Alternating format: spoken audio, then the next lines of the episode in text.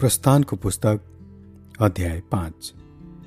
त्यसपछि मोसा र हारुन फारो कहाँ गएर भने परमप्रभु इजरायलीहरूका परमेश्वर यसो भन्नुहुन्छ उजाड स्थानमा मेरो निम्ति चाड मनाउनलाई मेरो प्रजालाई जान दे।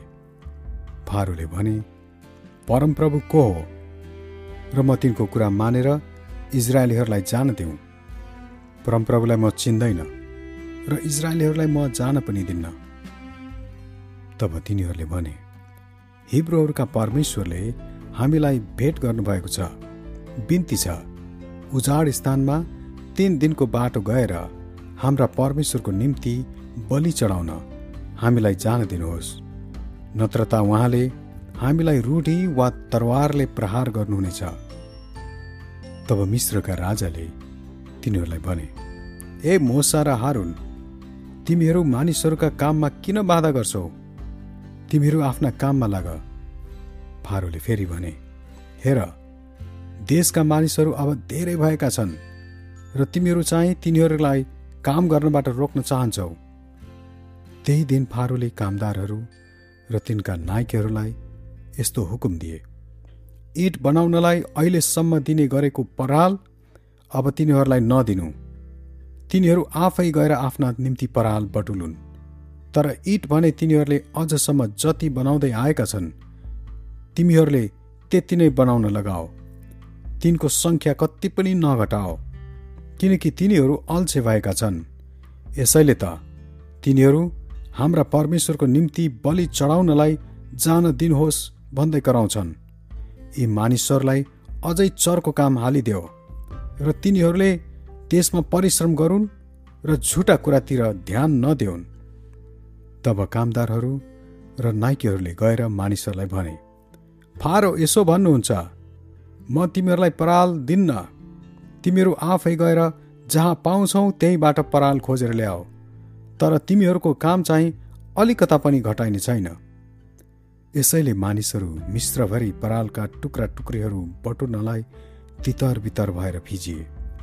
ती कामदारहरूले तिनीहरूलाई यसो भन्दै आतुरी लगाए। पराल दिँदा दिनमा जति काम गर्थ्यौ त्यति नै पुरा गर। इजरायलीहरूमाथि नियुक्त भएका इजरायली नाइकेहरूलाई फारोका कामदारहरूले पिटे र तिनीहरूलाई यसो भनेर सोधे अघि चाहिँ इट नबनाएर हिजो र आज आफ्नो काम किन पुरा गरेनौ? तब इजरायली नायकीहरूले फारोलाई गएर बिन्ती चढाए।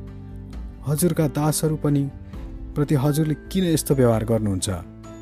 तिनीहरूले हजुरका दासहरूलाई पराल पनि दिँदैनन् तर तिनीहरू हामीलाई इट बनाऊ भनेर भन्छन्। हामी हजुरका दासहरू कुटाइ खाँदैछौँ तर कसुर त हजुरकै मानिसहरूको छ। तर फारोले भने तिमीहरू अल्छे छौ अल्छे। यसै कारण तिमीहरू भन्छौ हामीलाई परमप्रभुको निम्ति बलि चढाउन जान दिनुहोस्। अब गएर काम गर। पराल चाहिँ तिमीहरूलाई दिइने छैन। तापनि इटको तोकेको सङ्ख्या तिमीहरूले दिनै पर्छ। दिनहौ दिनुपर्ने इटको सङ्ख्यामा कम हुँदैन। भनेको सुनेर इजरायली नाइकेहरूले सङ्कष्टमा परेका थाहा पाए।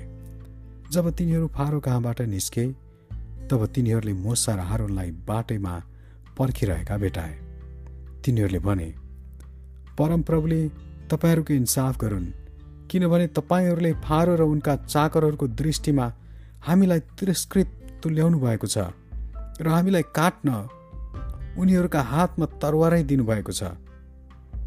तब मोसा परमप्रभु कहाँ फर्केर गए र भने हे प्रभु तपाईँले यी मानिसहरूमा किन सङ्कष्ट ल्याउनु भएको छ?